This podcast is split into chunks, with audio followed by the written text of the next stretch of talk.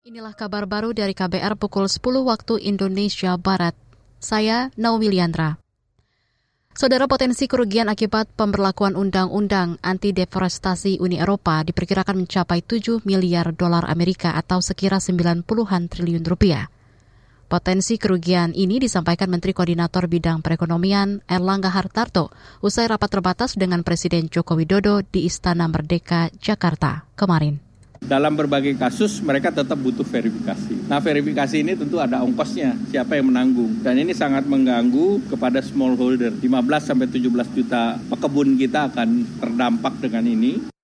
Menurut pemerintah Indonesia, Undang-Undang Anti Deforestasi Uni Eropa sangat diskriminatif dan hanya bertujuan mengucilkan produk-produk Indonesia. Ada tujuh komoditas yang akan terdampak antara lain sawit, kakao, dan kayu. Itu sebab pemerintah akan melawan regulasi tersebut dengan menggandeng negara yang mengalami nasib sama seperti Malaysia. Aturan itu rencananya berlaku akhir 2024. Menteri Pertanian Syahrul Yasin Limpo menyebut tak perlu penetapan kejadian luar biasa KLB dalam kasus antraks di Gunung Kidul, Yogyakarta belum lama ini. Mengutip antara, ini disampaikan Syahrul saat berkunjung ke Kabupaten Gunung Kidul kemarin. Meski begitu, kata dia, perlu penanganan yang intensif pasca penyebaran tersebut.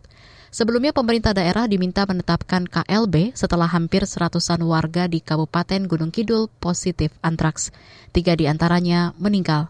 Epidemiolog dari Universitas Griffith, Australia, Diki Budiman, mengatakan penetapan KLB diperlukan untuk menelusuri sumber antraks sehingga bisa dicegah penyebarannya. Kita ke lantai bursa.